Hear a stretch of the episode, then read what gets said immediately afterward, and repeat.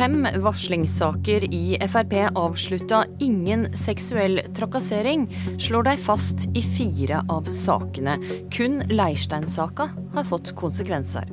Og den tidligere Ap-nestlederen Helga Pedersen feilinformerer og opptrer rystende respektløst, mener kommunalministeren. God morgen, du hører på Politisk kvarter. Frp er rysta av en ny, omfattende trakasseringssak. Partiet har fått inn flere varsler mot en med verv i FPU og Frp. Vi snakka med leder i organisasjonsutvalget, som tar hand om sakene, Helge André Njåstad, i går, og spurte er det greit for en med tillitsverv i Frp og FPU å spørre en 14-åring om sex? Nei, det er jo ikke greit for noen eh, voksne å, eh, å, spørre de typer spørsmål. Eh, men nå er det viktig å legge til at, eh, at dette er en sak som vi på ingen måte har ferdigbehandla. Sånn at, eh, at, jeg vil ikke på en måte gå god for de opplysningene som, som ligger i saken, og vil ikke kommentere element i saken før, før, ting er ferdig. Men selvfølgelig å bryte norsk lov eh, på generelt grunnlag er ikke greit for noen. Bør en da miste sine tillitsverv hvis da det viser seg at dette har skjedd, som man egentlig sjøl også har innrømt til NRK? Nei, Å ha tillitsverv er jo noe som, eh, som selvfølgelig er, er, viktig at man eh, utøver på en, en skikkelig måte. Men å, å, gå inn og saksbehandle over, over radioen nå er ikke jeg interessert i å gjøre. Vi må se på helheten og se på hva som har skjedd. Eh, og vurdere sakene på en grundig og skikkelig måte, og ikke saksbehandle gjennom media. Hvor lenge har det visst om at ungdomsorganisasjonen har håndtert varsla mot denne mannen? Det har vi visste eh, ganske lenge at det har vært eh, saker i FBU, men det er først nå de siste månedene at, at partiet sitt organisasjonsutvalg har gått inn og saksbehandla og ser på helheten i denne saken. Så det har ikke kjent til innholdet i sakene som FPU har håndtert? Eh, ikke detaljene, men vi har kjent til at det er saker, og at FpU har hatt en, en håndtering knytta til det. Burde det ha kjent til innholdet, når det nå ser hvor alvorlige disse sakene er? Eh, nei, vi har kjent til at FBU håndterer de på en, en ryddig måte, og at FBU har hatt en saksbehandling sjøl. Men hvordan eh, kan du være trygg på at det har blitt håndtert på en ryddig måte, når det viser seg at det er fi, minst fire varsler om samme person, og et av varslene handla om noe som da trolig er et lovbrudd? Det er fordi vi har løpende kontakt med FPU, og vi har forsikret oss om at de ivaretar alle parter og, og har samtaler med og Det er ingen grunn til å, til å tro at ikke FPU har eh, tatt eh, de jentene på alvor som har kommet med bekymringer og kommet med sine varsler. Men at de har blitt fulgt opp på en god måte, både da de varslerne og den det varsla mot, Eh, men når det faktisk ikke har fått noen konsekvenser, og det har kjent til disse sakene i årevis, du, kan du da sitte nå og si dette har fram til nå blitt fulgt opp på en god måte av FPU? Ja, eh, men nå forskutterer jo du at det ikke har fått konsekvenser i fortida, og at det heller ikke vil få konsekvenser i framtida. Eh, jeg vil verken bekrefte eller avkrefte dette av hensyn til det det gjelder. Men mannen har jo fortsatt verv både i FPU og Frp? Ja, men eh, det kan likevel ha hatt konsekvenser i fortida, selv om, om, man i dag har verv. Sånn at man må være klar over at det finnes òg mellomting av å ha ingen verv og, og at det ikke har skjedd konsekvenser, som var din påstand. Ja, så Det du egentlig sier er at det har fått konsekvenser for denne mannen det varsla mot? Nei, nei, for jeg, jeg, driver ikke opplyst om eh, utfallet av eh, våre saker i partiinterne forhold. Eh, men jeg sier at det, det er ikke nødvendigvis at din påstand om at det ikke har fått, hatt konsekvenser, er riktig.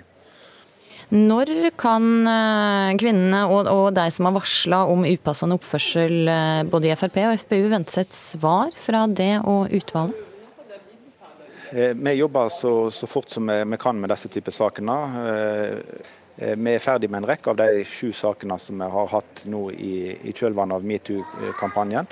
Eh, men det er et par eh, som gjenstår, og de jobber vi så fort som vi kan med. Men på en grundig og, og, og seriøs måte. Så å si tid de vil være ferdig, da vil, skape et sånn unødig press for alle parter. Men vi bruker ikke mer tid enn nødvendig på, på disse sakene.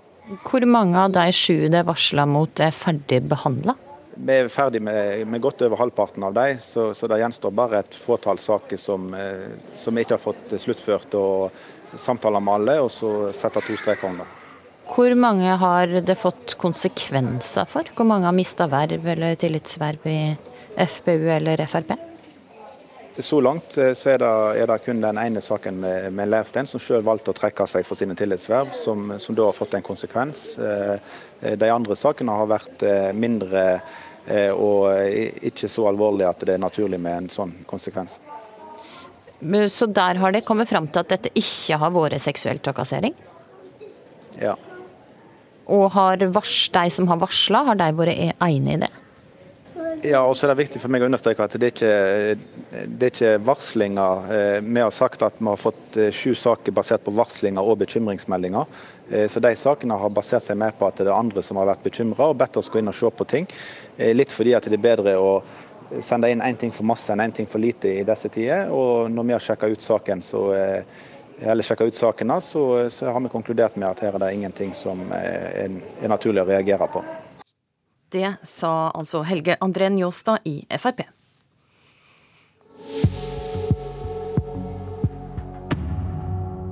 Si nei til avtala om et nytt Troms og Finnmark. Det er oppfordringa fra den avgåtte Ap-nestlederen Helga Pedersen, som har flytta tilbake til Tana i Øst-Finnmark og blitt sauebonde, lærer og lokallagsleder i Tana Ap. Fredag gikk hun knallhardt ut mot avtalen, avtala, og Helga Pedersen, du sier Finnmark blir avvikla som demokratisk arena. Hva er det som gjør at du bruker et slikt eh, kraftuttrykk? Det er jo ikke et kraftuttrykk, det er jo bare en konstatering av eh, fakta. Tvang, tvangssammenslåinga av Finnmark og Troms innebærer jo at eh, fylkestinget, som er dagens politiske arena i Finnmark, blir avvikla og skal erstattes av et nytt regionting. Og den avtalen som er lagt eh, på bordet, innebærer jo en storstilt sentralisering av makt og beslutningsfunksjoner ut av Finnmark og til Tromsø. Hele den politiske toppledelsen skal sitte i Tromsø. Den administrative ledelsen pluss ledelsen av eh, stort sett alle Eh, etatene skal skje fra Tromsø. I tillegg til at Troms får eh, flertall i den nye fellesnemnda. I tillegg til denne kraftsalva her, Helga Pedersen, så kom du også med et direkte angrep på statsråd Monica Mæland. Du sa til NTB på fredag det er regjeringen som har vedtatt denne tvangssammenslåingen. Da må regjeringen også ta de vanskelige avgjørelsene. Dersom kommunalminister Monica Mæland ikke orker å ta i dette, bør hun heller oppheve hele sammenslåingen. slutt. Men det er jo stortingsflertallet som har vedtatt denne sammenslåinga, ikke regjeringa? Ja, det, Sånn er det selvfølgelig. Og det vi sier helt ordrett i årsmøtevedtak til Tana Arbeiderparti forrige helg, er at dersom kommunalministeren ikke vil ta ansvaret for beslutninger og konsekvenser av tvangssammenslåinga, så må hun ta konsekvensen av det og fremme forslag for Stortinget om at tvangssammenslåinga omgjøres. Det Monica Mæland har prøvd på i media, det er å skape et inntrykk av at Stortinget har fatta vedtak om tvangssammenslåing nærmest helt uavhengig av hva regjeringa mener. Men faktum er er jo at det er regjeringspartiene Høyre, Fremskrittspartiet og Venstre med støtte fra KrF som har tredd denne tvangssammenslåinga nedover eh, haugene på finnmarkingene. Og nå eh, opplever jeg at regjeringa eh, abdiserer. Men statsministeren var i Finnmark i fjor sommer og, og, og forespeila finnmarkinger at, at, her ville man få balanserte løsninger som skulle ta særskilt hensyn til eh, arbeidsplassene eh, i, eh, i, Finnmark. Så har kommunalministeren nå eh, abdisert og dytter ansvaret for de vanskelige avgjørelsene nedover til de regionale politikerne. Kommunalminister Monica Mæland, med oss på linje fra Bergen. Du mener Helga Pedersen opptrer rystende. Respekt respektløst er det så rystende at hun ansvarlige regjeringa for et vedtak det har stått inne for på Stortinget? Det som er uh, rystende, er at hun driver og sprer desinformasjon. På fredag sa hun altså at dette var regjeringens vedtak, uh, og at jeg kunne oppheve det hvis jeg ville. Det er selvfølgelig ikke situasjonen. Det er Stortinget som har vedtatt regionreformen, som har vedtatt hvordan det nye fylkeskartet skal se ut. Så er det helt riktig at det var en avtale mellom Høyre og Fremskrittspartiet, som i utgangspunktet ikke ønsket et tredje forvaltningsnivå, men for å få på plass en kommunereform som er veldig veldig, veldig viktig. Det syns også Arbeiderpartiet når de satt i regjering. Så eh, ble det altså inngått en avtale knyttet til regionene. Og så er det altså sånn at eh, fra regjeringens side så er jeg fullt beredt til å ta alle de avgjørelser som er nødvendig for å holde denne avtalen, men det må jo være veldig mye bedre for Troms og Finnmark at de sjøl fatter avgjørelsene. Og her har altså Helga Pedersens partifeller, demokratisk, lovlig valgte eh, fylkespolitikere, fremforhandlet en avtale som de mener eh, er god.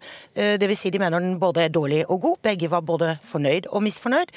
Og det er da mye bedre at de styrer Troms og Finnmark sin utvikling, enn at jeg gjør det. Ja, så, da la, så, la, Helga Pedersen få svare på det. For det er altså to partikollegaer. Det er din egen fylkesordfører i Finnmark og en partikollega i Troms, samt din tidligere kollega på Stortinget, Knut Storberget, som har framforhandla og signert denne avtalen. Burde du ikke gått knallhardt ut med deg i stedet for mot Monica Mæland?